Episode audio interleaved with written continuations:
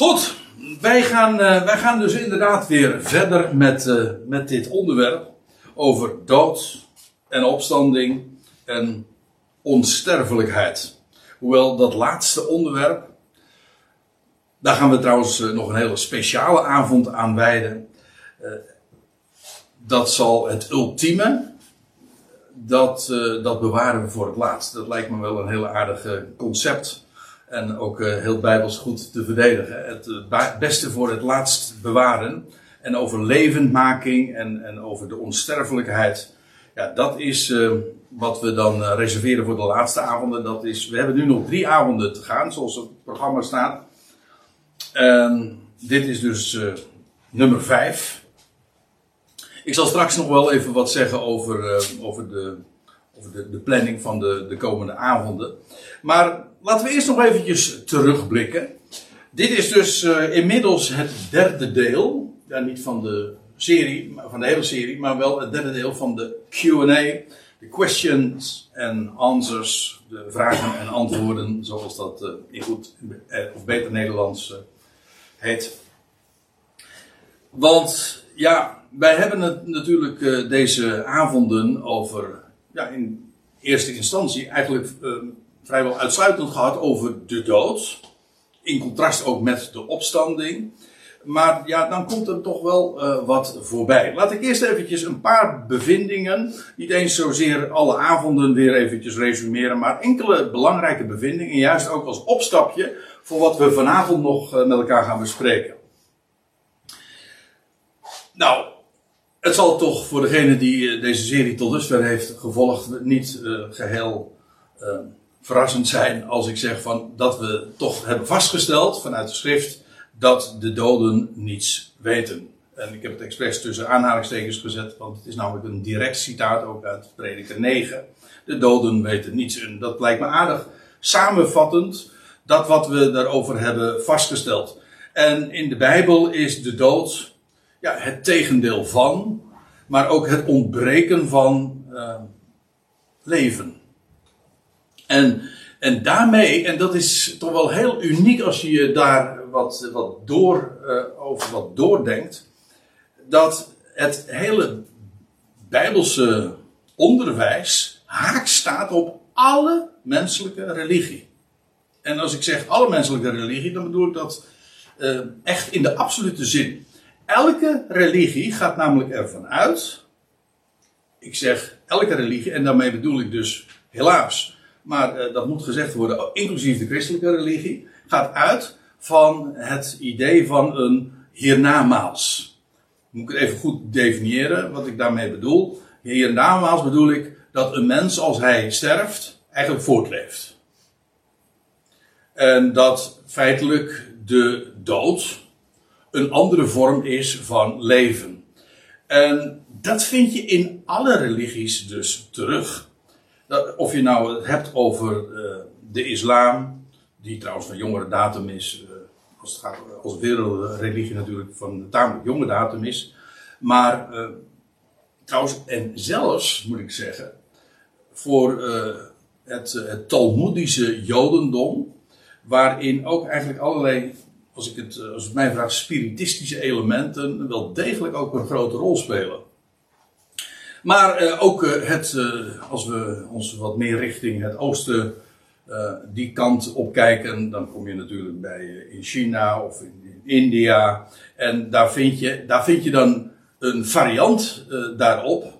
Maar ook nog steeds het idee van dood is niet echt dood. Namelijk, dan krijg je het idee van reïncarnatie hier in de, als ik het zo mag zeggen, de westerse wereld is het meer echt concreet een onsterfelijke ziel. En in het oosten leeft het idee van een mens gaat niet echt dood. Dat wil zeggen, hij leeft op een andere wijze hier op aarde verder. Dat is, dus er zijn varianten. Of het zij in een, in een andere hoedanigheid, dat wil zeggen in een geestelijke wereld, of hoe je dat ook maar noemen wil. Uh, als een mens sterft, dan komt hij in de hemel of zo'n plek. En bij het, uh, in de leer van de reïncarnatie sterft de mens ook niet, maar dan leeft hij op een andere wijze hier op aarde verder. In een andere gedaante of in een andere creatuur. En in beide gevallen heb je het dus uh, over varianten op het idee dat dood niet echt dood is. En ik, die, de ontkenning van de dood, dat dood dood is. Ik bedoel dus letterlijk. Uh, dat is feitelijk, en ik, zeg, ik noem het hier de primaire leugen van de oude slang. En daarmee bedoel ik niet alleen maar de primaire, de belangrijkste, maar ook het is de eerste leugen van de slang. Want kijk het maar na in Genesis 3. Dat was het eerste wat eh, de mens werd wijsgemaakt uh, toen, toen Eva in conversatie met de oude slang, om zo te zeggen, zei van, ja maar als wij van die, die vrucht eten, dan zullen we de dood sterven. Nee, je zult niet sterven, was de reactie van de, de slang, maar je ogen zullen geopend worden. Dat wil zeggen, de ontkenning van de dood. En dat is heel uh, kenmerkend voor alles wat hij leert. Dood is niet echt dood, maar je leeft op een andere wijze voort. En ja, dat is dus ook de basis van het spiritisme. Maar wat de consequentie daar ook van is, en dat is dat het een, een ontkrachting is, en dat is nog de nette variant, want ik zou het ook een verkrachting kunnen noemen van de waarheid van de opstanding der doden.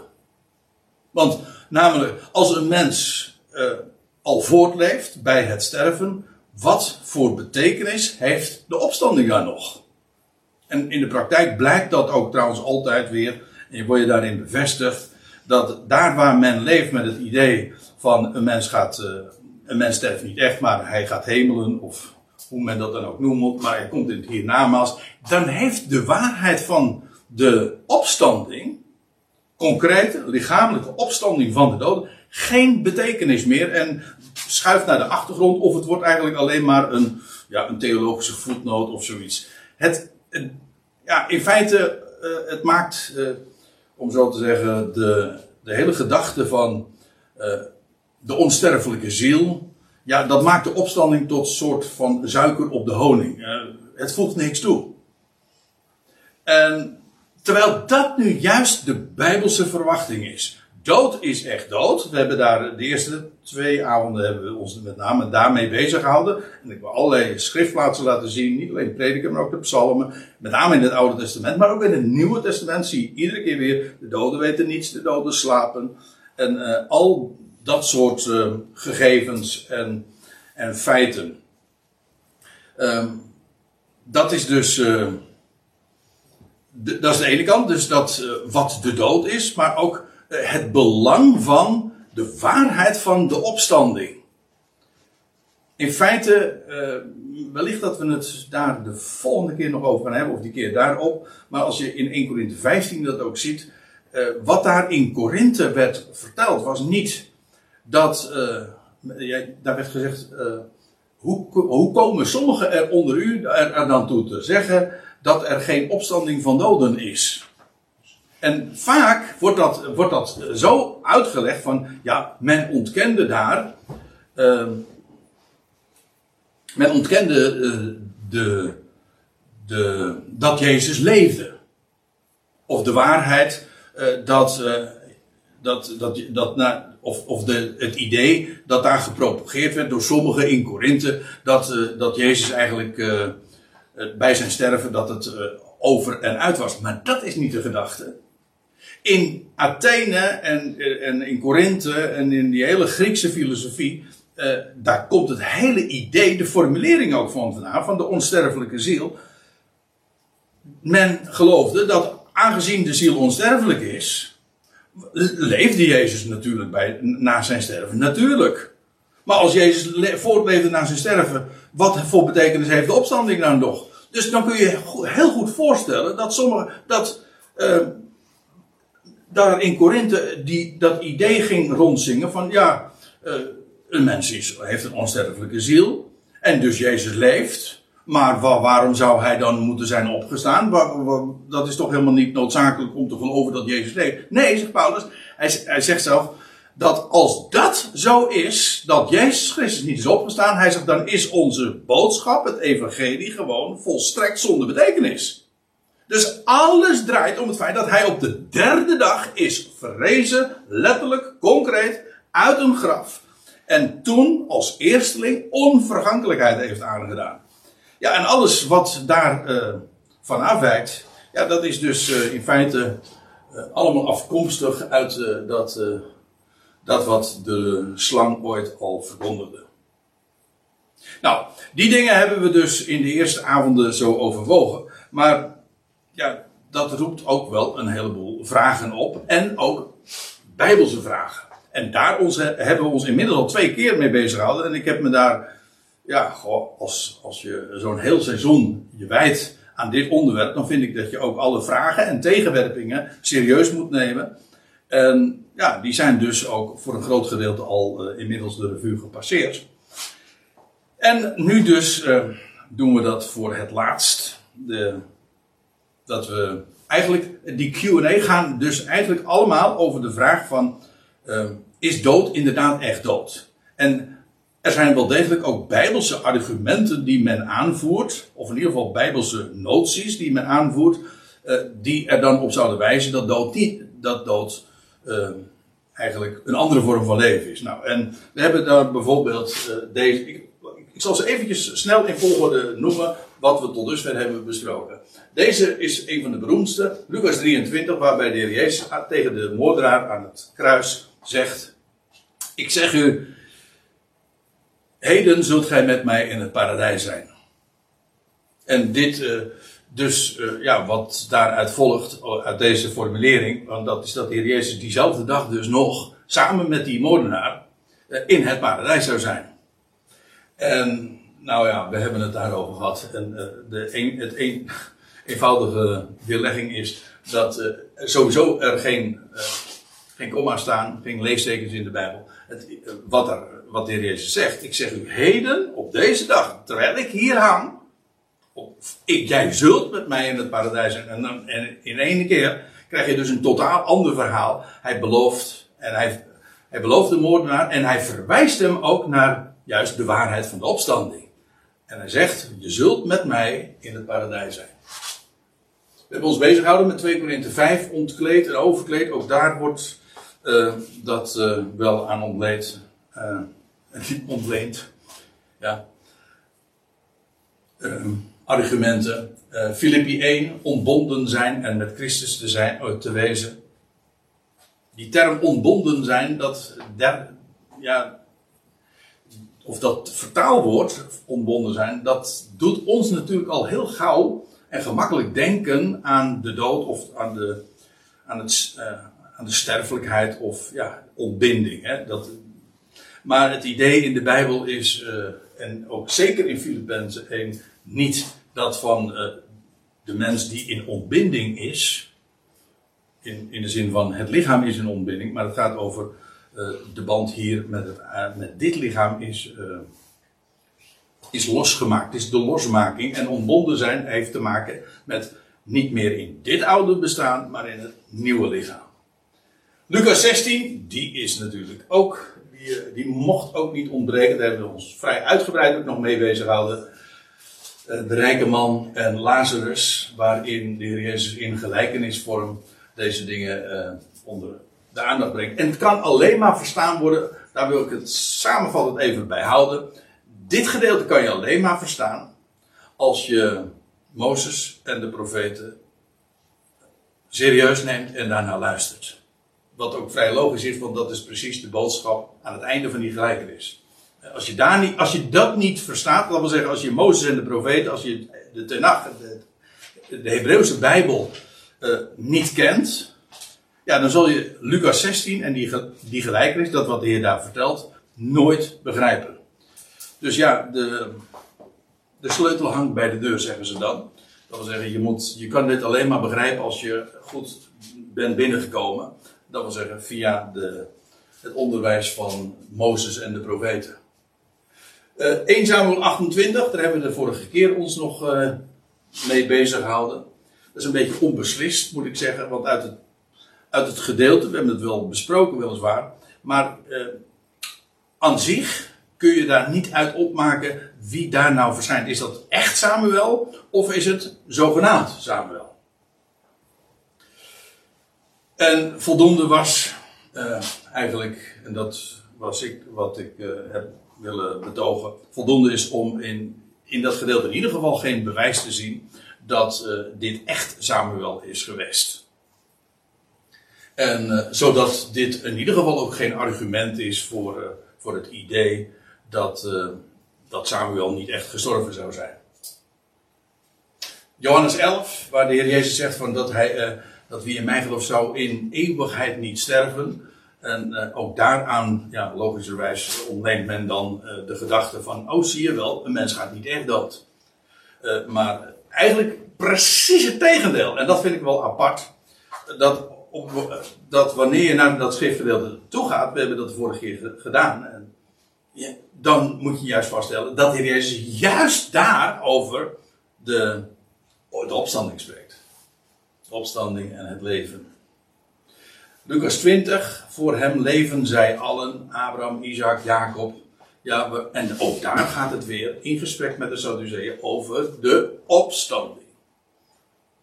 De zielen die onder het altaar zijn, openbaring 6, ook dat hebben we gezien in dat uh, visioen. En dan gaat het over dat bloed dat onder, de alt, onder het altaar, dat roept. Zoals het bloed van Abel ook ooit riep. Oké, nou, dit zijn de, belangrijkste schriftmaten die we tot dusver hebben besproken in die uh, QA. En dan uh, zijn er nog een aantal schriftplaatsen te gaan. Die moeten ook beslist nog aan de orde komen. Een aantal in ieder geval nog. En deze, waar we nu naartoe gaan, dat is uh, in ieder geval, die mag ook niet ontbreken. Het is een wat die reputatie heeft het algemeen al, dat, dat, dat, zeg ik niet, dat is algemeen wel de, een beetje het, eh, de indruk die mensen hebben. Uh, het, het, het, gedeelte lijkt wat obscuur, de hele formulering. En toch, bij nader inzien valt dat, als u het mij vraagt, reuze mee. Laten we even naar die teksten, of de idee, uh, ja, naar de schriftplaats zelf toe gaan. 1 Petrus 3. Daar lees je in vers 18 het volgende. Want ook Christus is, zegt eh, Petrus dan, ten dood gebracht in vlees, maar levend gemaakt in, in geest. Nou, de tegenstelling hier is duidelijk natuurlijk uh, vlees en geest, maar ook dood en levend gemaakt. Dat wil zeggen, hij is uh, gekruisigd en vervolgens is hij door in geest levend gemaakt, namelijk op de derde dag. En dan staat erachter waarin hij ook, uh, in welke hij ook, ziet u hier in deze letterlijke woord voor woord weergave, in welke hij ook uh, heen gegaan is. En ja, als je dit gewoon sec leest, dan kan het maar één ding betekenen, en dat is dat hij is, als hier staat, levend gemaakt in geest, waarin, waar, in wat? Nou, in geest is hij heen gegaan. En kijk, het, het, het argument wat men meestal maakt, is, of de redenering die hierachter zit en waarom het als, argument wordt opgevoerd dat de doden dus niet echt dood zouden zijn, dat, is, uh, dat zit hem vooral op dat woordje heen gegaan.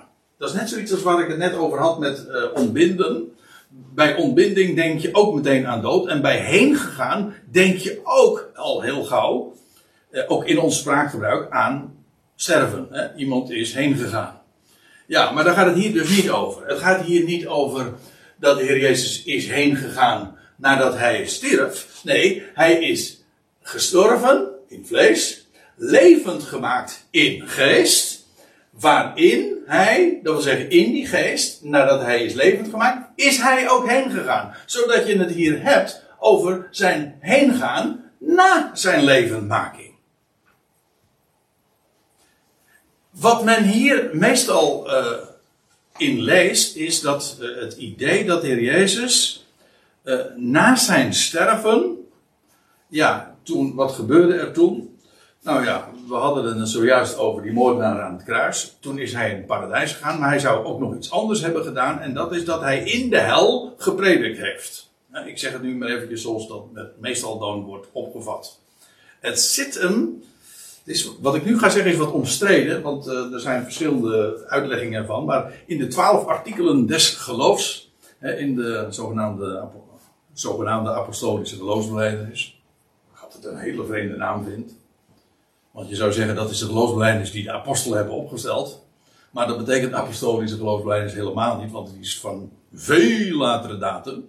Maar daarin komt die frase uh, van. Uh, die geleden heeft onder Pontius Pilatus, is gekruisigd, gestorven en begraven, nedergedaald ter helle. En, de, en nedergedaald ter helle, en dan, ja, wat, waar, waar denk je dan aan? Ja, de, trouwens, er zijn modernere versies van het, uh, van het, van het zogenaamde apostolicum. Die zeggen van nedergedaald in het dodenrijk. Dat is een stuk beter. Maar je begrijpt wel dat als je natuurlijk het idee hebt, zoals algemeen men het idee heeft, in de christenheid ook dus, dat dood niet echt dood is, maar, en dat de Heer Jezus dus in feite niet echt gestorven is. Hoort u wat ik zeg? Want dat is namelijk de consequentie, hè? Als dood niet echt dood is, dan is de Heer Jezus dus ook niet echt gestorven. En dat is precies ook wat men zegt. Hij is niet echt gestorven, want hij ging naar het dodenrijk, of naar het paradijs, of uh, beide. Of... En een van die uh, schriftplaatsen, of nou ja, behalve dat in Lucas 23, wat gezegd wordt tegen die moordenaar, maar ook hier in 1 Petrus 3, daaraan wordt ontleend dat hij, hij is heen gegaan in het dodenrijk en toen heeft hij gepredikt aan al die overledenen, aan de overledenen die in het dodenrijk wachten. En dat, waaraan wordt dat ontleend? Aan dit gedeelte. Dus ja, eh, we moesten het natuurlijk deze avonden zeker ook nog hebben over 1 Petrus 3. Maar uh, één ding, voordat ik nou naar het volgende vers ga, uh, wil ik hier uh, alvast even op wijzen. Hier, als je de tekst gewoon clean leest, zoals het zich aandient, is hij is levend gemaakt in geest, waarin hij ook heen gegaan is. En dat kan, als je het gewoon straightforward, zoals de Engelsen dat zeggen, leest, dat betekent na zijn levendmaking.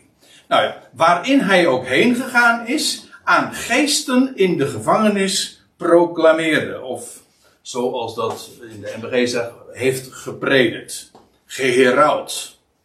Aan geesten in de gevangenis. Nou, en dan denkt men, dit is ook, dus ik volg nu eerst even de gangbare uitleg. Daarom noem ik het ook.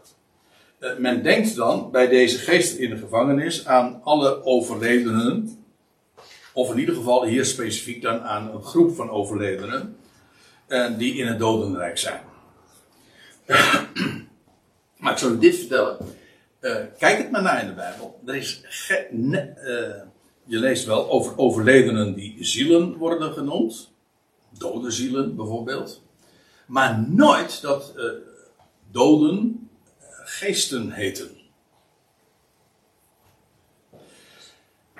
Kijk het maar dat, zo worden zij nooit uh, genoemd. Dat is ook vrij logisch als je het, Bijbelse verhaal uh, kent. Ik bedoel, de mens uh, werd een. Hij, de, de geest des levens werd in hem geblazen. Alzo werd hij een levende ziel. En op het moment, dat is zoals het begint. En het eindigt dan in feite met de ontbinding van lichaam en geest. Dat wil zeggen, die twee worden. Een, mens wordt een levende ziel wanneer lichaam, het stof, zich verbindt met de geest. Dan is er sprake van een levende ziel. En op het moment dat de mens die geest de adem weer geeft, dan is het een dode ziel. En dan is dus in feite een ontbinding tussen het lichaam en de, geest des levens, of de adem, de ruach, En de geest keert weer terug naar God die hem gegeven heeft. Zoals de, het lichaam weer terugkeert naar de aarde waaruit het genomen is. Dat is dus met recht een ontbinding van twee. Snapt u?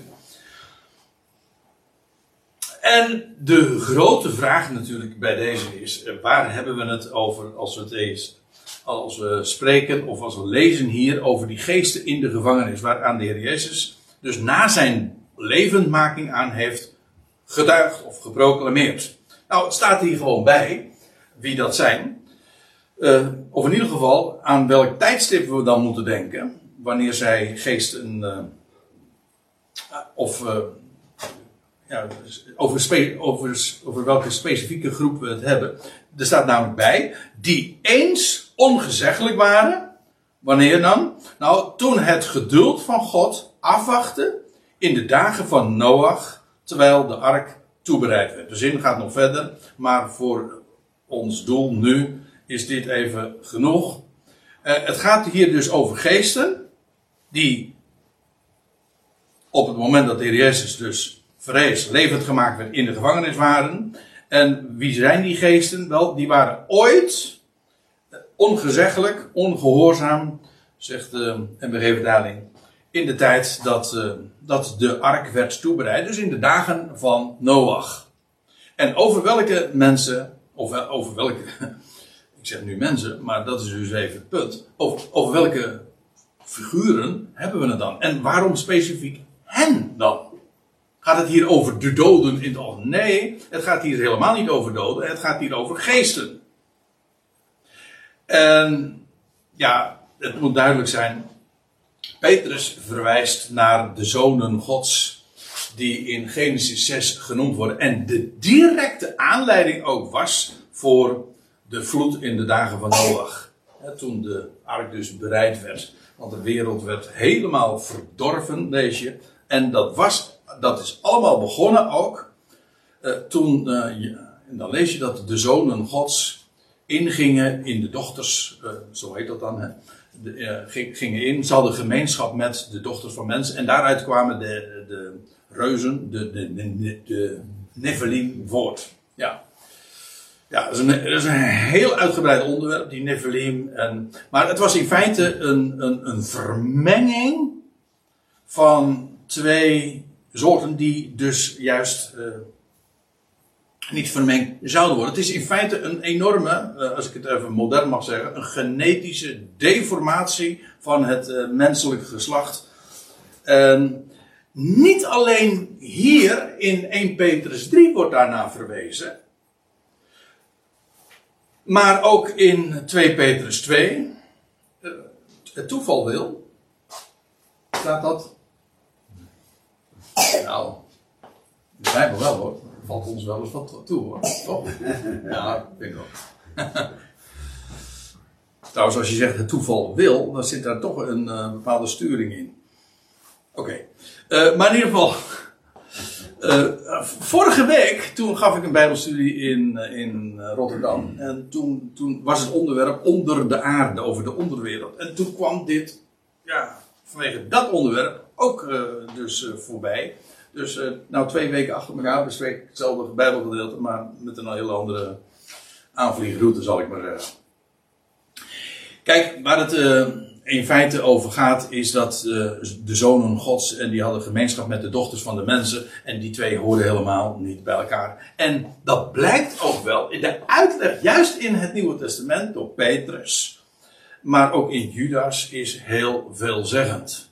Je zou het al kunnen weten vanuit Genesis 6 zelf. Daar zie je al van, hé, hey, daar, daar doen de zonen gods, die, die vermengen zich met de dochters van de mensen. En wat eruit voortkomt, dat zijn dat zijn die, die Nephilim. Maar wie zijn dat dan? Die zijn, nou, hier worden ze genoemd de geesten in, eh, die dus eh, in de gevangenis zijn. Eh, in 2 Petrus worden ze ook nog genoemd engelen die gezondigd hebben. Die hun doel misten. Dat is nog vrij breed, algemeen. Maar in Judas nog wordt het nog meer gespecificeerd. En er staat engelen, geesten, die hun uh, oorsprong ontrouw werden. En dat betekent, ze hebben hun een origine, hebben ze uh, ja, uh, verlogend, ontrouw aan dat wat ze zijn.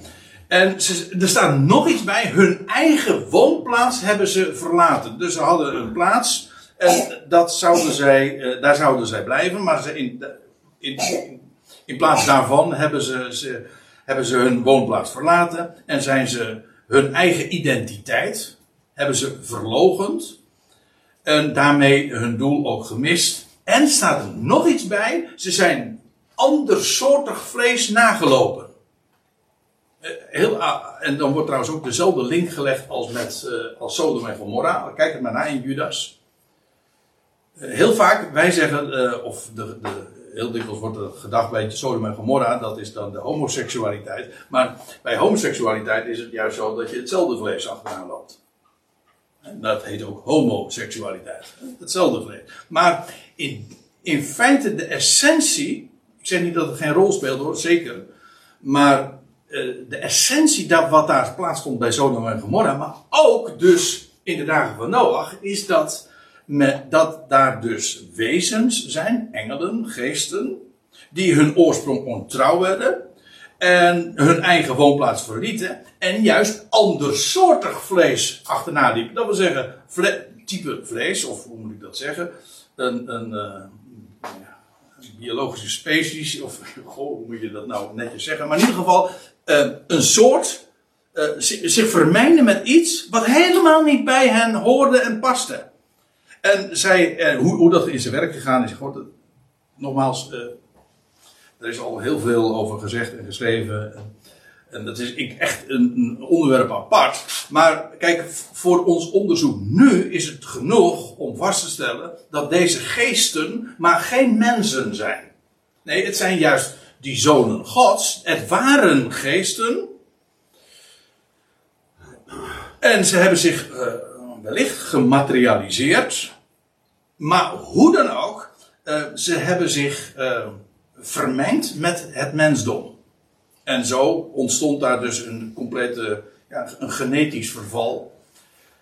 in feite is, ik vind het ook heel verbrand. Ik heb, het, ik heb er vorige week ook nog even op geweten. Je leest ook dat de Heer Jezus zegt, als hij het heeft over het einde van deze aion, dat hij waarschuwt. Hij zegt: Het zal zijn als in de dagen van Noach.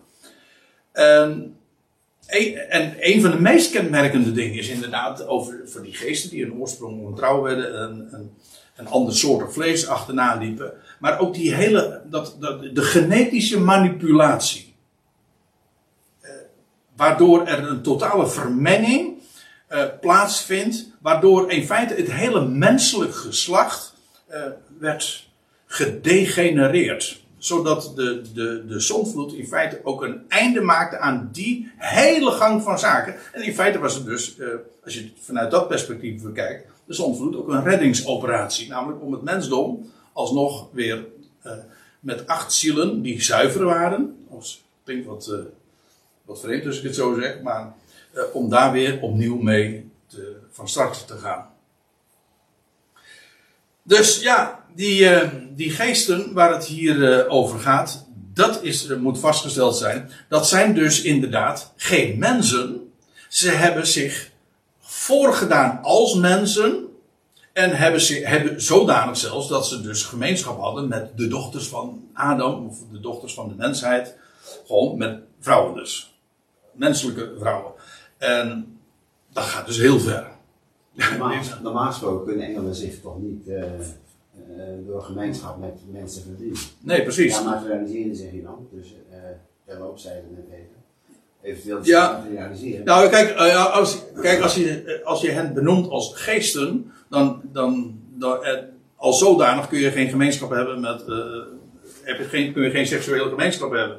Maar als er, aangezien dat nu juist wel aan de orde is, moet dat dus iets eh, met, met materialisatie te maken hebben. Met het feit dat zij dus wel vlees achterna konden lopen en een seksuele gemeenschap konden hebben.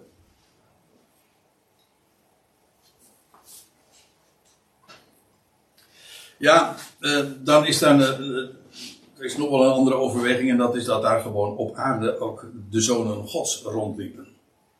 Los van en apart, in de zin van apart van uh, het mensdom. Zodat je dus niet alleen maar te maken had met uh, Adamieten, maar dat daar ook de zonen Gods wel degelijk ook op aarde waren. Maar, en dat waren dan pre-Adamieten, die al voor Adam waren. Maar ik begeef me nu enigszins op speculatief terrein. Dus laat ik daar nu weer gauw dat verlaten. Maar het is op zich het hele, de hele gedachte van de zonen gods. Die waren er veel eerder, vergis je niet hè. Dat, dat is niet speculatief. Die waren er al, die juichten, lees je in Job. De zonen gods juichten toen God de fundamenten van de aarde neerlegde. En dus ja, die hebben al een, een zeer oude oorsprong. En kun je nagaan dat daar toch echt iets heel dramatisch heeft plaatsgevonden toen die zonen gods uh, ingingen bij de dochter der mensen. Nou, en dat is wat je hier leest. En, dat, en zij zijn bij de zonvloed dus omgekomen en, en vervolgens zijn zij gevangen genomen en, zij, en, en bestaan zij voort als geesten. Zo moet ik het dan eigenlijk zeggen. Dus misschien is inderdaad het vorm. Uh, zit ik eraan te denken. Het zijn nu geesten in de gevangenis. Het is niet gezegd dat ze daarvoor ook geesten waren. Dus ik zit even nu hard op te denken. Het zijn nu geesten in de gevangenis. Ze zijn in ieder geval nu ontlichaamd. Maar eh, nogmaals, het is eh, voor de lijn van het betoog van deze avonden is het denk ik genoeg om nu in ieder geval gezegd te hebben: dit zijn geen Adamieten, dit zijn geen mensen, geen overledenen. Dus aan dit vers of aan dit gedeelte, deze passage, kan je nooit het argument ontlenen van, zie je wel, de Heer Jezus is uh, na zijn dood, dat is sowieso niet waar, uh, is hij, heeft hij gepredikt aan, aan overledenen uh, uit de dagen van Noach. Daar gaat het niet over, het gaat over een specifieke groep, namelijk de zonen gods. Nou, daar, daar, wou ik, daar wou ik het nog maar eventjes bij laten. En, nou, dit was 1 Petrus 3. Ik, nou gaan we, als we even een paar versen doorlezen. Die is wat uh, makkelijker, denk ik. Hoewel de zin zelf trouwens uh, ook wat uh, obscuur is. Ik vind het moeilijk om dat zo over de Bijbel, over Bijbelse passages te zeggen. Obscuur. Want wij zijn obscuur. wij begrijpen dingen niet dan, niet, dan moet je dan niet natuurlijk de Bijbel verwijten. Het is ook uiteraard ook geen verwijt uh, naar de schrift toe. Integendeel, het, het is alleen, soms zijn bepaalde zinnen of versen of passages uh, voor ons uh, onduidelijker. Hoe, hoe zit dat nou precies? Maar goed, 1 Petrus 4, daar wordt gezegd, want daartoe werd ook aan doden geëvangeliseerd. Het evangelie gebracht, zegt de MRG-vertaling. eigenlijk is het één woord, een evangelie als werkwoord. Geëvangeliseerd dus. Want daartoe werd ook aan doden geëvangeliseerd, opdat zij wel geoordeeld zouden worden naar de mens in vlees, maar leven zouden naar God in geest. Ja, eigenlijk kan ik hier heel kort over zijn. Want hier, uh, wat, kijk, het argument is deze. zie je, aan doden kun je ook evangeliseren. Maar dat is helemaal niet de gedachte. Het punt is, aan mensen die inmiddels overleden zijn, aan, mensen dus die nu doden zijn, is ooit het evangelie gebracht. En over welke mensen het hier gaat, dat is denk ik eventjes verder niet aan de orde. In ieder geval, mensen uh, beoordelen hen wel en veroordelen hen en brengen misschien zelfs de doodstraf over hen. Maar dan staat er nog, uh, zij kenden het evangelie en dan kan de mens jou wel oordelen en veroordelen of zelfs ter dood brengen. Maar voor God maakt dat geen verschil in die zin dat uh, zijn geest wekt de doden weer op. En dat evangelie hebben zij ooit gehoord. Ze zijn, mogen dan nu doden zijn, maar aan hen is geëvangeliseerd. Dus uh, aan doden is geëvangeliseerd. Ja, inmiddels doden is geëvangeliseerd, namelijk toen zij nog in leven waren. Dus uh, erg ingewikkeld vind ik hem niet. Want zo spreken wij daar ook over. Aan, aan zoveel overledenen is het evangelie gebracht. Ja, toch? ja, aan mensen die inmiddels overleden zijn. Ja, nou gaan we nog naar een andere schriftplaats. Uh, Mozes en Elia in heerlijkheid. Die moet ook genoemd worden, vind ik. Want, kijk, ook dit, uh, waar we nu naartoe gaan, is de geschiedenis die beschreven wordt trouwens in uh, zowel Matthäus, Marcus als Lucas. Niet in Johannes. Terwijl die er zelf wel weer bij was. Dat is wel weer eigenaardig. Maar uh, je leest dan in die geschiedenis dat Mozes en Elia aan de Heer Jezus op de berg verschijnen. En ja, nou ja, je snapt het argument, het argument al van, zie je wel, die uh, Mozes en Elia, waarvan we in ieder geval van Mozes weten dat hij is overleden. over Elia hebben we het straks nog even.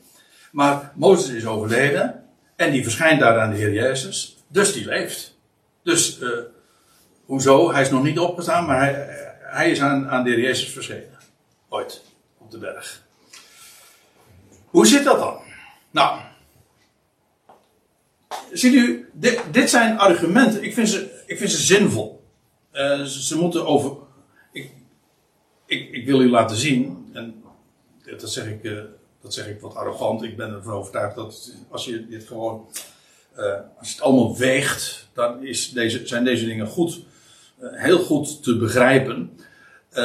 maar ik vind het wel wel degelijk heel zinvol om, om, om dit soort dingen, vragen, maar ook tegenwerpingen, om die echt ook serieus te nemen.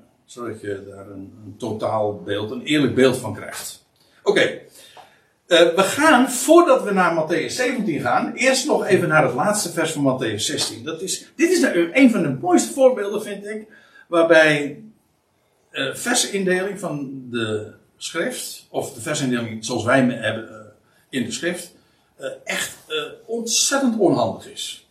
Om niet te zeggen ons op het verkeerde been zet laten we wel wezen, de versindeling, hoofdstukindeling is verrekte handig voor het, uh, voor het zoeken en vinden van bijbelpassages. Ik zou er niet aan moeten denken als je niet die indeling zou hebben. Dat zou ik echt buitengewoon lastig vinden. Als, ik niet, als het nog niet zo zou zijn, dan had ik hem zelf uitgevonden. Ja, ik wil. Maar uh, je moet daar in de, in de uitleg speelt het geen enkele rol. En dit is nou typisch echt. Een, ik, vind het, ik zou hem ook God geven als als het voorbeeld bij uitstek, waarbij de versindeling eigenlijk je heel gemakkelijk op een verkeerd spoor zet. Want Matthäus 17 kun je alleen maar begrijpen als je het laatste vers van het voorgaande hoofdstuk leest. Dan lees je dit, dat de Heer Jezus dit zegt. Amen, ik zeg jullie dat er sommigen zijn van degenen die hier staan. En hij wijst gewoon naar zijn discipelen, zijn leerlingen. Twaalf stuks mag ik aannemen. Maar er zijn sommige van degenen die hier zijn, die voorzeker niet de dood zullen smaken. En dan lees ik verder. Voordat zij ook maar de zoon van de mens, de Ben Adam, eh, zien komen in zijn koninkrijk. En dit gedeelte, of eh, deze woorden worden trouwens, eh, ik ben daar in beide gevallen in het verleden wel mee in aanraking gekomen. Op twee manieren helemaal fout uitgelegd. Het wordt als en als een bewijsplaats uh, genoemd voor uh, dat Jezus uh, zich zou hebben vergist. Dat is de moderne theologie. Nou, daar hebben we. Daar kan ik. op voorhand heb ik daar al helemaal geen. geen helemaal niks mee. Maar bovendien. Kijk, men zegt van zie je wel, want al die mensen, al die discipelen, die zijn toch wel degelijk gestorven zodat als de Heer Jezus zegt van sommigen zullen de dood niet smaken voordat ze de zoon mensen hebben zien komen in heerlijkheid. Uh, nou, dat is dus niet vervuld. Jezus heeft zich vergist. Ja, als dat zo is, dan, uh, nou, dan, dan, klopt het Bijbels getuige dus, dus niet. Er is ook een andere gedachte, dat is dan niet modern theologisch, maar dat is het preterisme.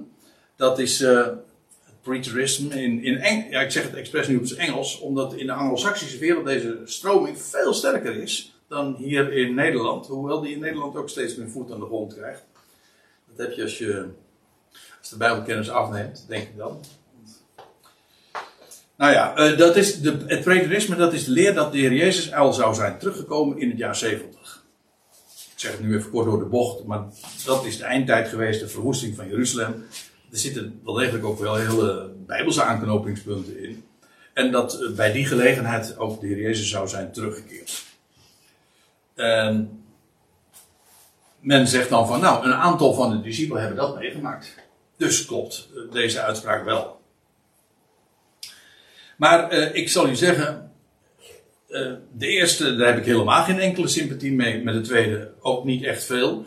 Maar het klopt ook niet. Kijk, maar laten we gewoon verder lezen. Dat vind ik zo mooi. Uh, want als je gewoon, ja, als je dit vers sec leest, dan roept dat vragen op. Maar als je dan gewoon doorleest, en je even van de hoofdstukindeling niks aantrekt, dan zie je, en na zes dagen, oftewel op de zevende dag, En dus, op de Shabbat, ja, ja, er is nog wat meer over te zeggen, want als je het vergelijkt met Lucas, dan staat er weer na acht dagen. Vindt u het goed als ik dat eventjes skip? Eh, ik vind hem interessant genoeg, maar nu even niet. En ik geloof namelijk dat dit op een Shabbat is eh, gebeurd. Op de Sabbat, de zevende dag, nam Jezus Petrus ehm, en Jacobus en Johannes. Hey, dus sommigen van degenen die daar ooit stonden, hè, zes dagen eerder. Sommigen van hen neemt hij nu mee. En bracht hen op een hoge berg, privé, ja, privately staat in de Concordant version. En die, eh, als ik benadering, ik vind hem eigenlijk het mooiste. In de, in de MBG-vertaling staat in de eenzaamheid. En dat is niet helemaal duidelijk wat, wat daar wordt mee bedoeld. In de eenzaamheid. Sommige mensen hebben het opgevat als uh, uh, dat het zou verwijzen naar de berg. Een, een eenzame hoge berg. En vandaar ook dat de berg Tabor altijd wordt aangewezen als de berg van de verheerlijking. Want als je inderdaad uh, de berg Tabor, met die hele merkwaardige bolle vorm, uh, dat is een tamelijk eenzame berg. Gewoon zo, in Out of the Blues staat die berg daar zo. Nee. Ja, zeker. Daar ben ik helemaal met je eens, Martijn. Dat moet de, de, de Herman zijn. Een hoge berg. En Hè? Alleen. HSV zegt alleen. Alleen. Ja, ja, ja, oh ja, om nog eventjes de zin even af te maken. Uh, dat privé of dat in overeenstemming met, uh, ja, eigenlijk, het is heel lastig om dat idiomatisch goed uh, weer te geven. maar het idee is dan van hij nam hen, gewoon hij nam niet de hele club, maar sommigen van hen nam hij mee. Dus, en dan is het dus het idee van privately. Goed. Uh, laten we nog even. Laten we even doorlezen. En na zes dagen nam Jezus dus Petrus, Jacobus en Johannes zijn broer mee. En bracht hen op een hoge berg. Privé. En hij werd getransformeerd vlak voor hun ogen. En zijn gezicht straalde als de zon. En zijn kleding werd wit als het licht. Ja, nou. Wat hier gebeurt dat is, ja, ik noem het even zo, eh, een, een, preview van het koninkrijk. Ik zal het straks ook echt laten zien. Uh, want later, als Petrus aan het einde van zijn leven in 2 Petrus terugblikt op dat wat hij heeft meegemaakt, dan verwijst hij naar deze gebeurtenis. Hij zegt dat hij, hij zegt, wij zijn ooggetuige geweest van zijn parousia. Hij zegt dan trouwens ook, en, uh, wij hebben het profetische woord des te vaster en uh, dat steeds helderder nou tot de dag aanbreekt, de zevende dag. Dus, hè. En dat is dat licht. Maar hij zegt, ik heb, wij, wij hebben de Heer, wij, dus niet ik, maar ook Johannes en Jacobus, hebben de Heer zien komen in heerlijkheid. De parousia, uh, hoe had de Heer Jezus nou gezegd ook weer? Voordat zij ook maar de zoon van de mens zien komen in zijn koninkrijk. Nou, dat is wat zij hebben gezien daar op de berg. Niet allemaal dus, maar sommigen van hen hebben dat gezien. En hij, hij werd getransformeerd vlak voor hun ogen. En uh, trouwens, er wordt nog bijgezegd, als de, de zij, het gezelschap, dus de Jezus met de, deze drie discipelen, afdalen van de berg, dan waarschuwt hij hen. Hij zegt, vertel niemand aan niemand uh, dit gezicht. Totdat. Hè? Dus, en hij, hij, gebruikt het woord gezicht. En dat wordt elders ook vertaald trouwens met visioen. Het is hetzelfde woord als wat gebruikt wordt voor dat wat Petrus zag op dat dak, weet u wel, met dat laken dat uit de hemel neer kwam dalen. Dan wordt ook datzelfde woord een gezicht gezien. Zoals wij dat trouwens ook uh, heel dikwijls uh, noemen. Een visioen. Dat wil zeggen iets wat je ziet, iets wat in het zicht is. Een ge, ja, een, dat, dat wat gezien wordt, dat is een gezicht. Dat wij daar meestal dit onder verstaan, dat is eigenlijk een beetje een heel beperkte interpretatie ervan. Maar hij werd getransformeerd uh, zijn gedaante veranderen. Hier staat, weet u, hier staat dit woord. Metamorfose. Ons woord metamorfose, dat is wat hier plaatsvindt. Het, was een complete metamorfose voor hun ogen. Dat zagen zij. En wat zagen ze dan? Wel, zijn gezicht straalde als de zon en zijn kleding werd wit als het licht.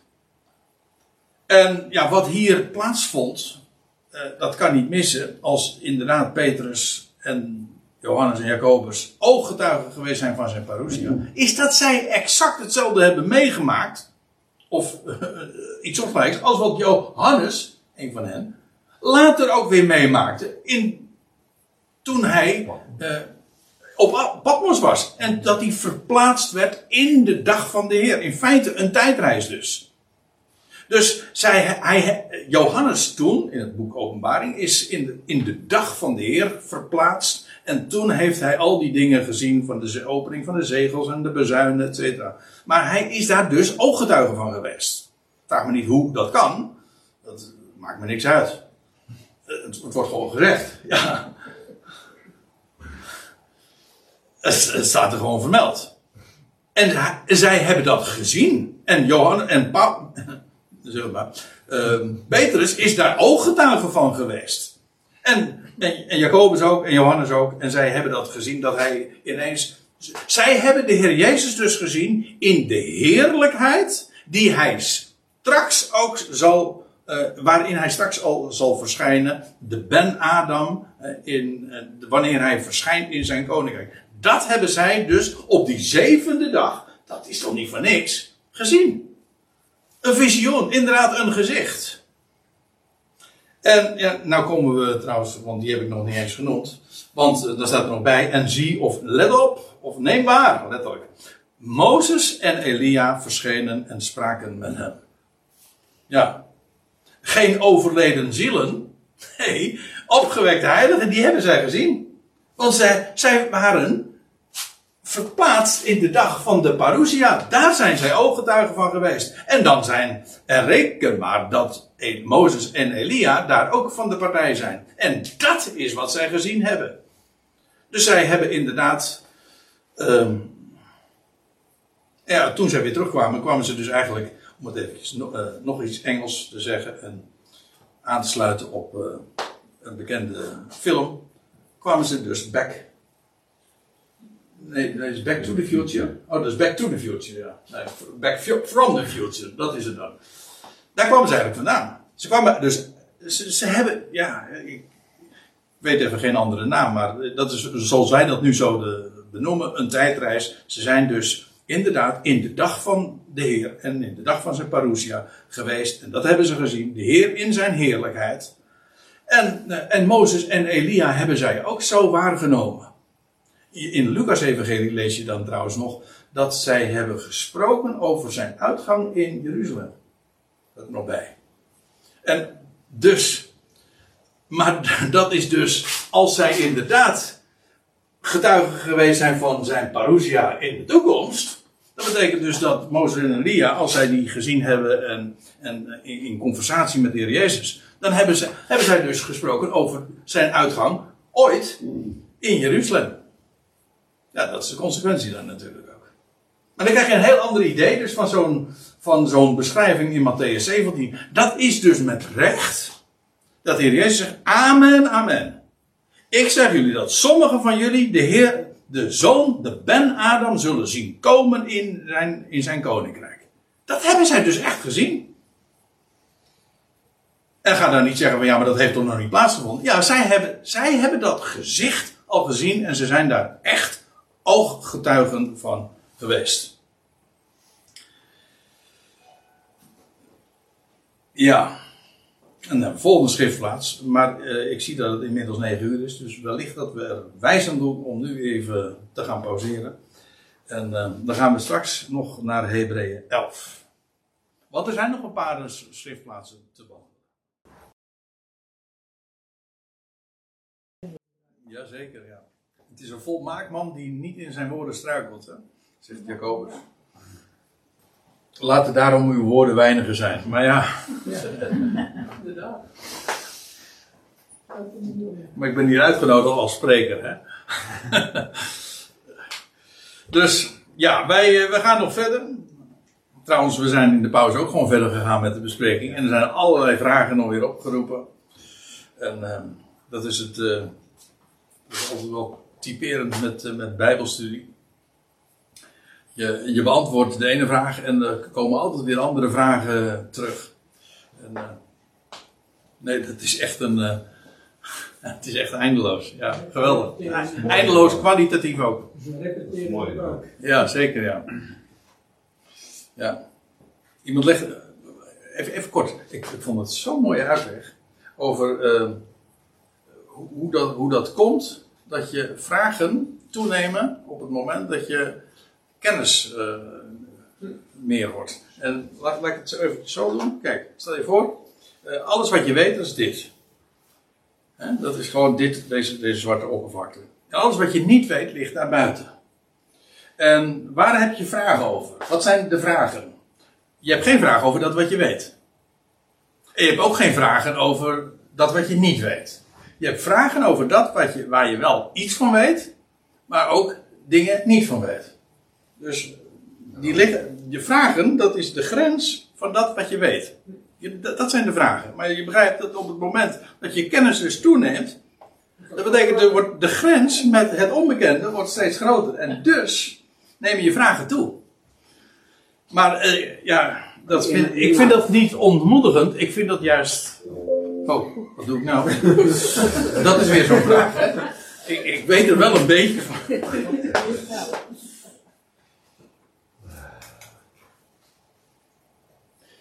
Ja. Dus ja, eh, ik denk dat we straks ook in de komende eonen dat er nog eh, zulke geweldige terreinen liggen om, eh, om te onderzoeken en velden van onderzoek, ja. Oké, nu gaan we even naar eh Hebreeën 11. Henoch, eh, ja, dat, er zijn twee figuren in de Bijbel die, waarvan eh, het verhaal gaat dat zij nooit gestorven zijn. En Henoch is daar één van. En Elia. Ja, nou, over Elia hadden we het zojuist al even, maar nou goed, dan, we hebben inmiddels gezien hoe de vork en de steel zitten. Tenminste, ik hoop dat u dat allemaal hebt kunnen meemaken, met, eh, zoals ik het behandeld heb. Eh, ik wil het zo meteen nog wel eventjes over Henoch, eh, of ook over Elia hebben, maar Henoch zou zo iemand zijn. Henoch is, ja, je leest daarvan in het boek Genesis, de zevende van Adam af. Zo wordt later door Judas geteld. En hij heeft geprofiteerd. Hij is niet oud geworden. Hij is maar 365, als ik me niet vergis, geworden. Ja, Ja, een jonkie. een jonkie. Ja, nou in de lijst van namen, die allemaal in de 6, 7, 8 eeuwen, is hij inderdaad wel een uitzondering. Eh, maar je leest dan, hij had zoveel jaar geleefd en hij wandelde met God en hij was niet meer, hij werd, hij werd niet gevonden. En dus wordt daar gezegd van, eh, hij, is, eh, hij is opgenomen in heerlijkheid. En dat zou dan staan in Hebreeën 11, maar ik zal u vertellen, dat staat er niet. En ik, laat ik eerst even beginnen bij Hebreeën 11. U weet, Hebreeën 11, het hoofdstuk van de, hoe wordt het genoemd? De galerij, dat is de plechtige naam, de galerij der geloofshelden. Tenminste, dat is de naam die ik ooit heb meegekregen. En eh, dan worden een hele aantal figuren zo opge... Een hele lange verzameling zelfs. Allemaal uit de Hebreeuwse Bijbel van mensen die, die werkelijk geleefd hebben uit geloof. Hè?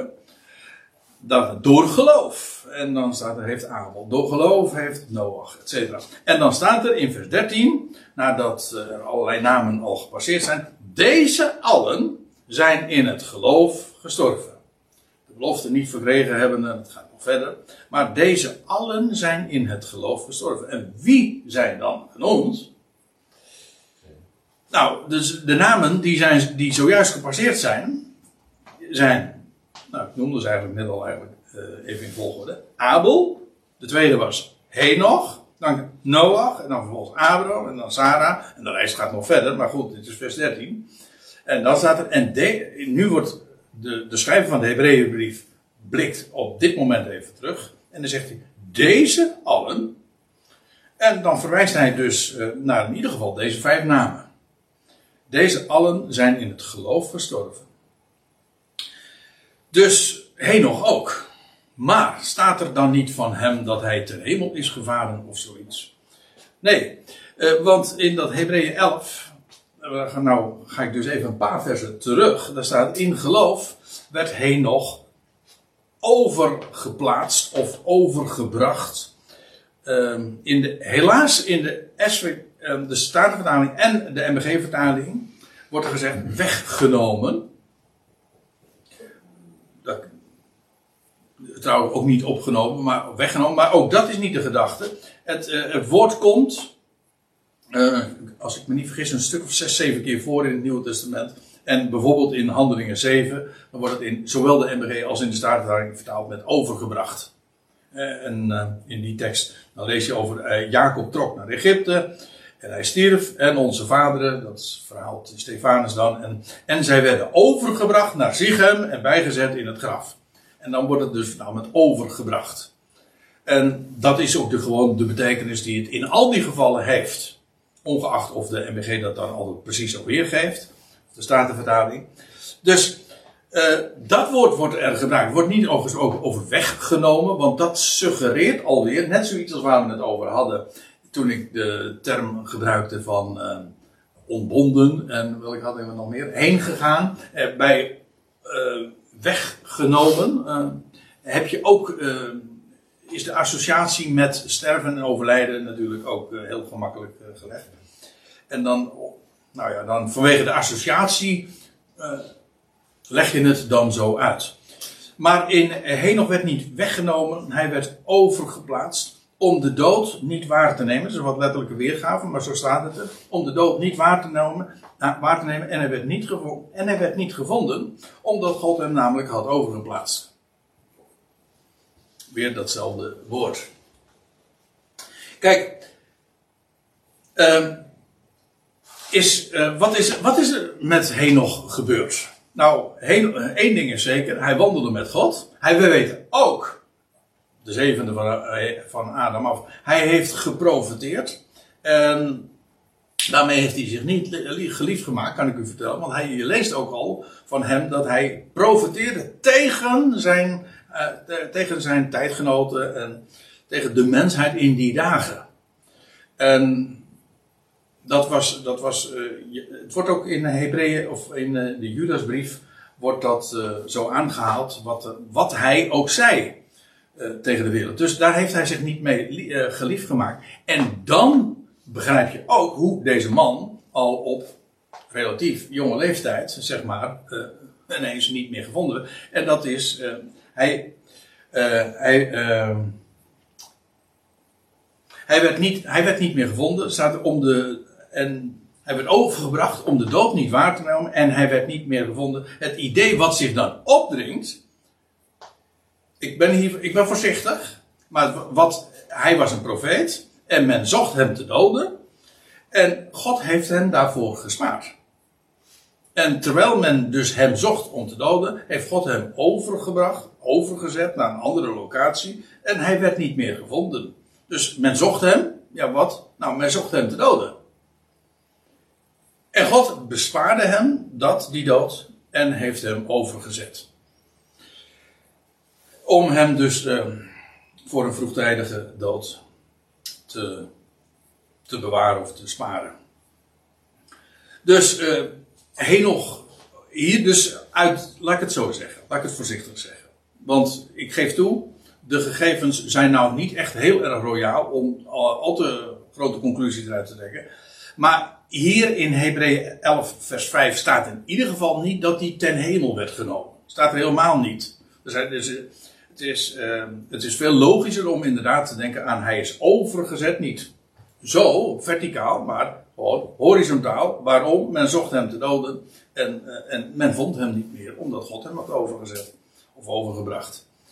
En zodat dus blijft staan dat wat er uh, acht versen later, dat zeg ik het goed, ja, gezegd wordt, namelijk in vers 13, dat deze allen, inclusief dus Henoch, is gestorven. Net als Abel en net als Noach en net als Abraham en Sarah. Deze allen zijn gestorven. Dus, eh, inclusief Henoch. Nou, dan wil ik. eh, dat is eventjes een aanvullend argument. Sorry. Dat de Heer Jezus ook zegt in, eh, in Johannes 3, vers 13: Niemand is opgevaren. Dat is in het gesprek met eh, Nicodemus. Ik denk trouwens dat dit commentaar van Johannes is. Maar goed, dat even terzijde. Eh, die dit optekende. Niemand is opgevaren naar de hemel dan alleen de zoon van de mens. Dus ja, eh, ook daar, eh, dit is wat mij betreft ook een, een nogal hele expliciete statement waarin gezegd wordt dat een hemelvaart, dus zoals de Heer Jezus, hè, dus verticaal, eh, dat hij de enige is. Die dat eh, niemand is opgevaren naar de hemel dan alleen de zoon van de mens. Maar eventjes nog, wat ik zojuist al eventjes op hintte, eh, dat dit Joha- Johannes is die dit later optekent. Want toen de Heer Jezus in gesprek was met Nicodemus, toen was hij nog niet opgevaren naar de hemel. Vandaar ook dat er staat, en niemand is opgevaren naar de hemel dan de zoon des mensen die in de hemel is, staat erachter. Dat, hoe kan dat? Eh, nou, dat is gewoon het commentaar wat Johannes zelf geeft. Toen hij dit optekende, toen was de Heer Jezus inmiddels opgevaren en in de hemel. En hij zegt, en niemand is dat, heeft dat ooit meegemaakt. Niemand is opgevaren naar de hemel dan hij die in de hemel is. De, namelijk de Ben Adam. Ja, en dan komen we natuurlijk ook nog onvermijdelijk even te spreken over Elia. Goed, Henoch hebben we af, eh, afgevinkt, weggestreept, of hoe zullen we het zeggen. Ehm, dan blijft eh, over He- Elia. Eh, die is inderdaad opgegaan. Maar als je het mij vraagt, is ook Elia gewoon overgezet. Nou ja, gewoon, zo gewoon was het niet. Hè? Eh, dat was wel heel bijzonder wat uh, Jack Old zijn die zegt van ik, ik zou dat ook wel willen meemaken. Hè? I want to go like Elijah. Eh, hoe- zingt ze het ook alweer? Nou ja. Ja, I want to go like Elijah. Ja. En ik zou het wel willen kunnen zingen zoals hij dat deed. Oké, maar. eh, ja, nou kijk, wat daar toen gebeurde. eh, op de, ja, gewoon, dat is een geweldige geschiedenis natuurlijk. Door de Jordaan en dat Elisa dan die mantel krijgt, nou et cetera. Maar waar het nu even om gaat, want ik moet maar bij mijn onderwerp blijven. Is eh, dat hij inderdaad is opgenomen. Maar ik geloof dat Elia, net als Henoch, is overgeplaatst. En daar heb ik een heel goed argument voor als het mij vraagt. En dat is. Joram. Hè? Bij Joram. Ja, want je leest dat eh, toen Elia dus eh, opging. Ja, zo, zeg, zo noem ik het dan maar, zo, zo wordt het genoemd. hè. Hij ging op. Ja, maar dat was in de dagen van koning Jozefat. En die had een zoon. Die na, na, na het overlijden van Jozefat werd Joram koning. En dan lees je dat Joram een brief krijgt van Elia. Juist, ja. Staat, toen kwam er in 2 Kronieken 21 vers 12, ik lees hem even voor, ik heb het hier voor me liggen. Of staan. Sorry.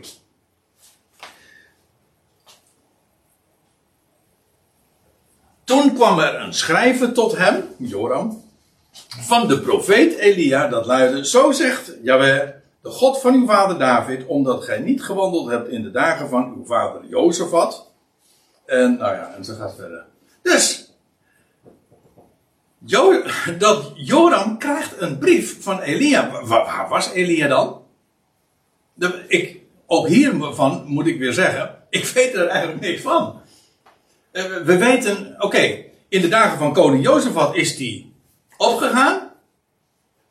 Maar op een veel later tijdstip, dat moet heel wat jaartjes later zijn geweest. Want Joram heeft het inmiddels al flink verbruikt. Eh, vandaar dat hij dat schrijven van, eh, van Elia krijgt. Maar, ja, van, waar, waar, van waar vandaan? Weet ik niet. Maar in ieder geval krijgt een brief van Elia. En ook dat is duidelijk een aanwijzing. Sorry? Even naar de stempel van postzegel kijken. Ja, ja, waar is die op de bus gedaan? Ja, dan- ja ik denk dat Joram. eh, Ik geef per e-mail. Hij is voor zijn dood op de bus gegaan. En toen is hij aangekomen na de dood. Ja, dat gebeurt wel. ja, ja. ja, dat gebeurt wel eens. Ja. ja, ik geef toe, dat is een mooie uitvlucht. Ja, als je de, als je de per se eh, onderuit wil, onder de kracht van dit argument, dan moet je dat zeggen van dat hij hem inderdaad heeft gepost. Zeg maar voor. eh, Voordat hij ging. voordat hij ging. En dat hij pas besteld is. Zeg maar bij koning Joram. Maar dat lijkt me dan toch heel erg vreemd. Want, dus- want, eh, want Elia zegt dan van zo zegt Yahweh. De God van uw vader David. Omdat gij niet gewandeld hebt in de wegen van uw vader. Dus dan wordt in de verleden tijd gesproken. Dus eh, nee, die, eh, die optie kan ik niet echt eh, goed vinden of goed rekenen. Lijkt me niet echt. eh. Nou, in ieder geval, dit opnieuw is dus een aanwijzing dat ook Elia, of net als Henoch, net evenals heel het mensdom, is eh, gestorven. De dood, door één mens is de dood in de wereld gekomen en de dood is doorgegaan tot alle mensen. Dus, ja, 1 en 1 is 2. eh, we- je kan natuurlijk allerlei uitvluchten bedenken, maar ik moet u zeggen, eh, ik vind dit een heel, gewoon, als je het, heel, het geheel beziet, een heel consistent, duidelijk, bijbels onderbouwd verhaal. En ehm, ja, zo komen deze dingen, eh, als het mij vraagt, ook in, in perspectief te staan. Ja, dan heb ik er nog één, eh, die moet ook zeker nog besproken worden. De ziel niet kunnen doden. Matthäus 10. Dat vind ik een lastige, moet ik eerlijkheidshalve toegeven. Eh, Omdat dit namelijk, deze tekst afwijkt, ehm, erg, eh, nogal afwijkt van wat we weten over de ziel in het algemeen. Eh, nou, laat ik eerst de tekst eens eventjes lezen. Daar zegt de Heer Jezus, eh, de hele de, de context dat gaat over dat hij de, de, de twaalf uitzendt niet naar de, naar, naar de natieën, maar alleen zich zouden begeven tot het de verloren van het huis Israëls. Maar dan zegt hij, in het einde van het hoofdstuk, zo'n beetje. En vreest niet degenen, meervoud, die het lichaam doden, maar niet de ziel kunnen doden. En dit lijkt een wat vreemde eh, verhaal. En eerlijk is eerlijk, dit zou zomaar een tekst kunnen zijn van, voor, eh, die pleit voor de leer van de onsterfelijke ziel. Dat we eh, gewoon even reëel zijn. Hè? Maar, oké, dan moeten we toch eventjes een paar dingen op een rijtje zetten. Kijk. Eh, de, de schrift spreekt bijvoorbeeld over stervende zielen. De ziel die zondig, die sterft. Dat staat trouwens op heel wat plaatsen. Ik verwijs hier naar Ezekiel 18. Maar er zijn wel veel meer schriftplaatsen die spreken over de ziel die zal sterven.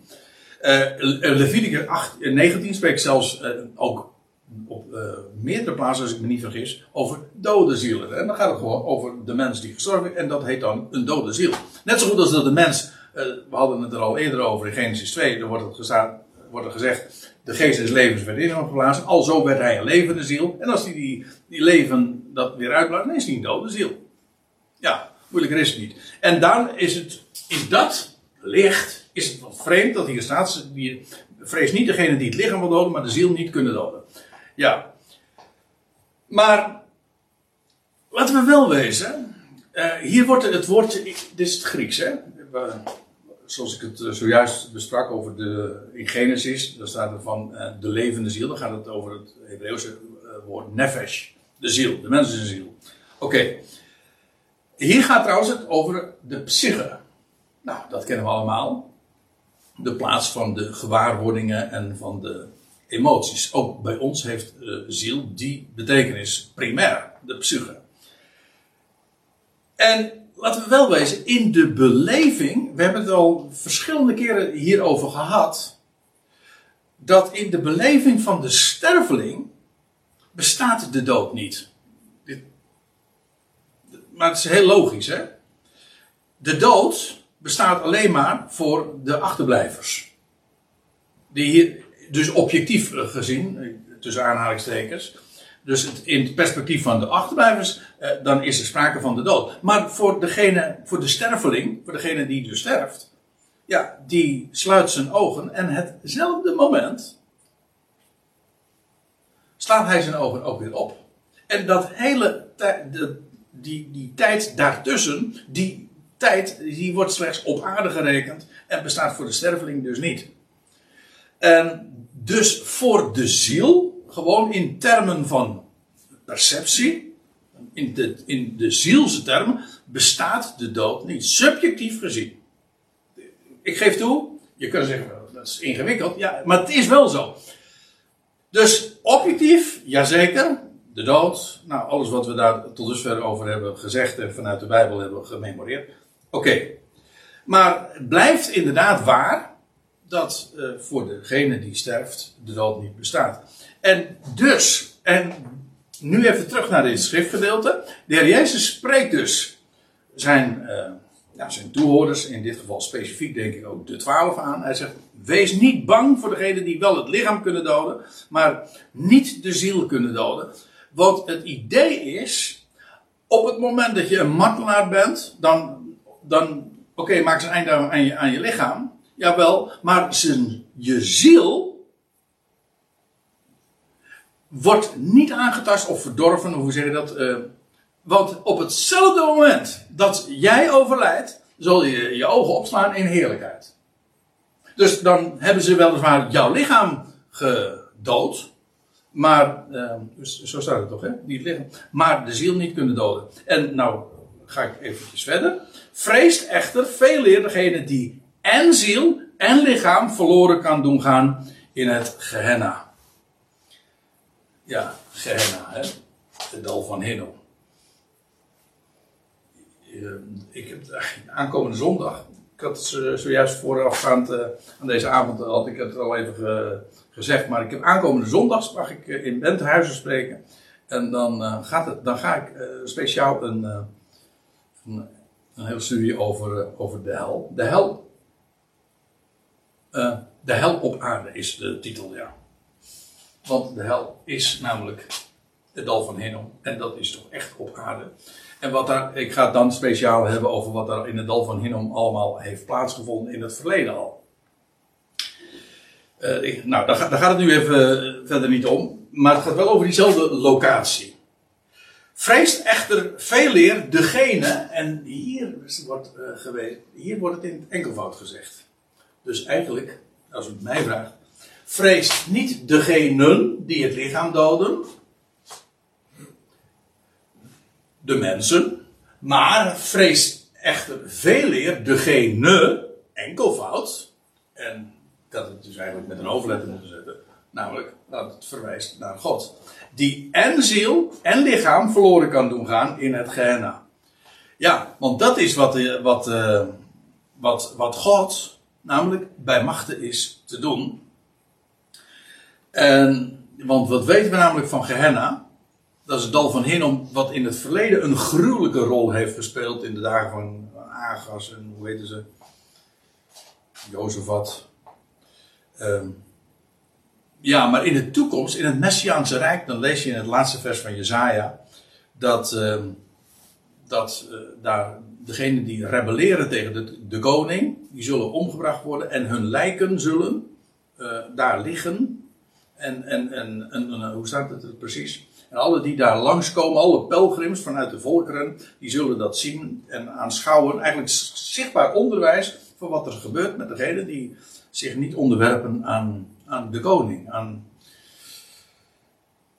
En, en, zo staat, en dan staat er ook bij, en het zal, voor alles wat daar dan leeft en wat daar eh, komt in Jeruzalem, eh, zal het eh, zichtbaar onderwijs wezen. Daar gaat het hier over. En degene vreest degene die het lichaam, die niet alleen het lichaam verloren kan doen laten gaan, maar ook de ziel. Want degene die dat zal overkomen, die zal namelijk niet alleen maar sterven, maar diens, diens ziel zal ook werkelijk verloren gaan. En u zegt van ja, maar uiteindelijk wordt, eh, elke ziel toch ook weer gered. Of elk mens, jawel. Maar dat gaat er hier even om. Eh, die zal eh, schade lijden aan de ziel. Dat is het verschil met die martelaar die in geloof sterft. Die, zijn lichaam wordt gedood, maar zijn ziel in zijn hele perceptie, in zijn beleving, leidt hij geen schade. In tegenstelling tot degene die in het Gehenna straks geworpen zal worden. Om eventjes eh, voor het gemak. De ongelovigen en de rebellerende tegen de koning. Hen treft het gericht. En hij zal geen deel hebben in het koninkrijk, hè, de heerschappij van Christus. Uiteindelijk wordt de dood teniet gedaan, maar dat is aan het einde van Christus heerschappij. Maar hij zal geen deel hebben in het koninkrijk. En zijn ziel leidt dus schade. En dat is ook precies waar dat verloren gaan uh, van spreekt, of ombrengen. Apollo, uh, hier wordt door dat woordje apoloia gebruikt. Dus, uh, ik, ik zei al, het is een wat lastig vers, omdat hier op een heel andere wijze over de ziel gesproken wordt dan wat we in de Bijbel gewend zijn.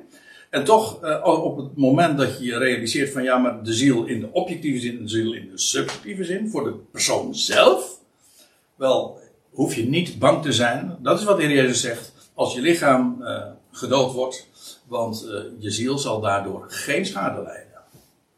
Dat kan wel, maar dat, doet, dat doen niet mensen, dat doet Hij. Ja, dan heb ik nog een paar, die vind ik, uh, ja, ik zei, ik zei al, deze tekst in Matthäus 10 is, uh, is wat lastig. Uh, direct toegegeven. Maar ook dit, in dit geval, dan moet ik er ook nog eventjes bij zeggen, ook in Matthäus 10 is dit geen enkele, geen aanwijzing dat er een, een bewust bestaan zou zijn tussen sterven en opstanding. Dus ook in die zin doet Matthäus 10 niet mee. Oh ja, dan hebben we Hebreeën 12. Um, daar lees je dit. Die moet ik misschien even toelichten, want je zou niet eens 1, 2, 3 zeggen van waarom dit nou zo'n een tekst is die men aanvoert om uh, te zeggen van dat de doden eigenlijk voortleven. Wel, wat uh, de schrijver daar zegt is, we hadden het net over Hebreeën 11, daarom dan, Daarom dan ook, terwijl zo'n grote wolk van getuigen rondom, terwijl het woordje we, terwijl wij, ja, zo'n grote wolk van getuigen rondom ons hebben, laten we wegdoen elke belemmering en zonde enzovoorts. Nou, waarom uh, noem ik dat even? Omdat dit wel uh, gedacht wordt, omdat deze tekst wordt opgevoerd, zeg van kijk, al die mensen die in, in Hebreeën 11 genoemd waren, nou zojuist kwamen al een paar van die namen voorbij. Er worden nog veel meer genoemd. Nou, en dan zegt de schrijver van, wij hebben zo'n grote woord van getuigen om ons heen. Dus laat ons wegdoen. Men voert dat aan en zegt, kijk, dat zijn mensen dus. Die, het zijn getuigen. Zij nemen ons waar. Maar dat is helemaal niet het idee. Het idee is niet dat uh, deze mensen ons waarnemen. Hè, dat Abel en Henoch en Abraham en Sarah allemaal nu als, als, als het ware zeg maar uh, naar ons aan het kijken zijn. Nee, het idee is dat zij een getuigenis hebben afgelegd. Dat is namelijk wat een getuige is. Een grote woord van getuige. Hoezo een getuige? Een getuige is iemand die iets getuigde. En zij hebben een getuigenis gegeven. Uh, in, in, in Hebreeën 11, vers 4 staat. Zij spreken zelfs nog nadat zij gestorven zijn.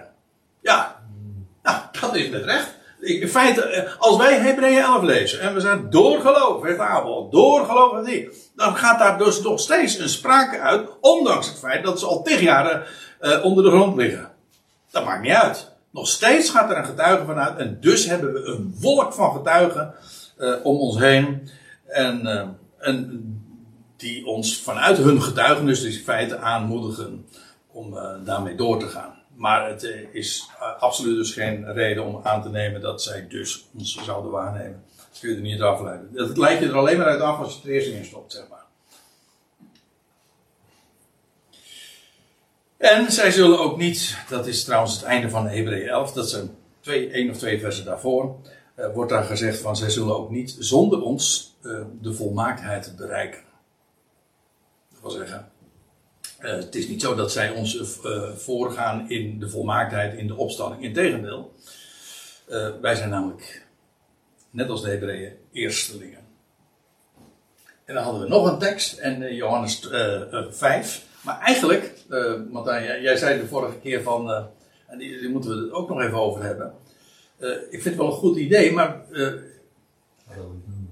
ja, het gaat over iets anders, maar ook, het is meer een tekst die hoort bij de volgende bespreking bij nader inzien. De volgende keer gaan we het hebben namelijk over tweeërlei opstanding. Een opstanding van een opstanding ten leven, en een opstanding van oordeel. En waarover hebben we het dan? Nou, dan moeten we het gewoon eens een hele avond maar eens een keertje over hebben. Want eh, er zijn nogal wat schriftplaatsen die daarover spreken. Opstanding, de eerste opstanding en de opstanding van de overige doden na de duizend jaren. Dus eh, opstanding en opstanding is twee. Dus het heeft ook met eh, niet alleen twee verschillende soorten, maar ook twee verschillende tijdstippen of meerdere tijdstippen te maken.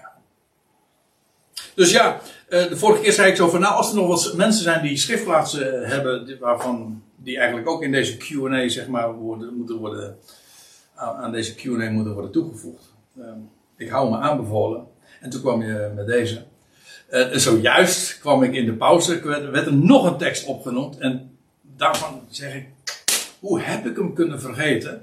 Nou, en, maar ik beloof bij deze dat ik de volgende keer, hoewel het onderwerp eh, de tweeërlei opstanding is, ga ik toch nog eventjes die eh, erbij betrekken. Eh, een tekst uit uh, Efeze 4, waar je leest over de Heer Jezus die de gevangenis heeft meegenomen toen hij opvoert naar in de hoogte, in de, ten hemel opvoer, ja. En die tekst wordt ook nog eens een keertje aangehaald in verband met eh, het dodenrijk en zo. Ik ben hem helemaal vergeten. Dus eh, dan, eh, je hebt me net even te laat daarop gewezen. Eh, deze tekst in Johannes 5, nou laat ik hem dan toch eventjes eh, genoemd hebben. En dan, dan wil ik het daar dan bij laten. In Johannes 5, dan lees je dat de Heer Jezus zegt: Amen, amen, ik zeg jullie. Dat zeg ik vaak. Voorwaar, voorwaar. Ik zeg jullie dat het uur komt, en zij is nu.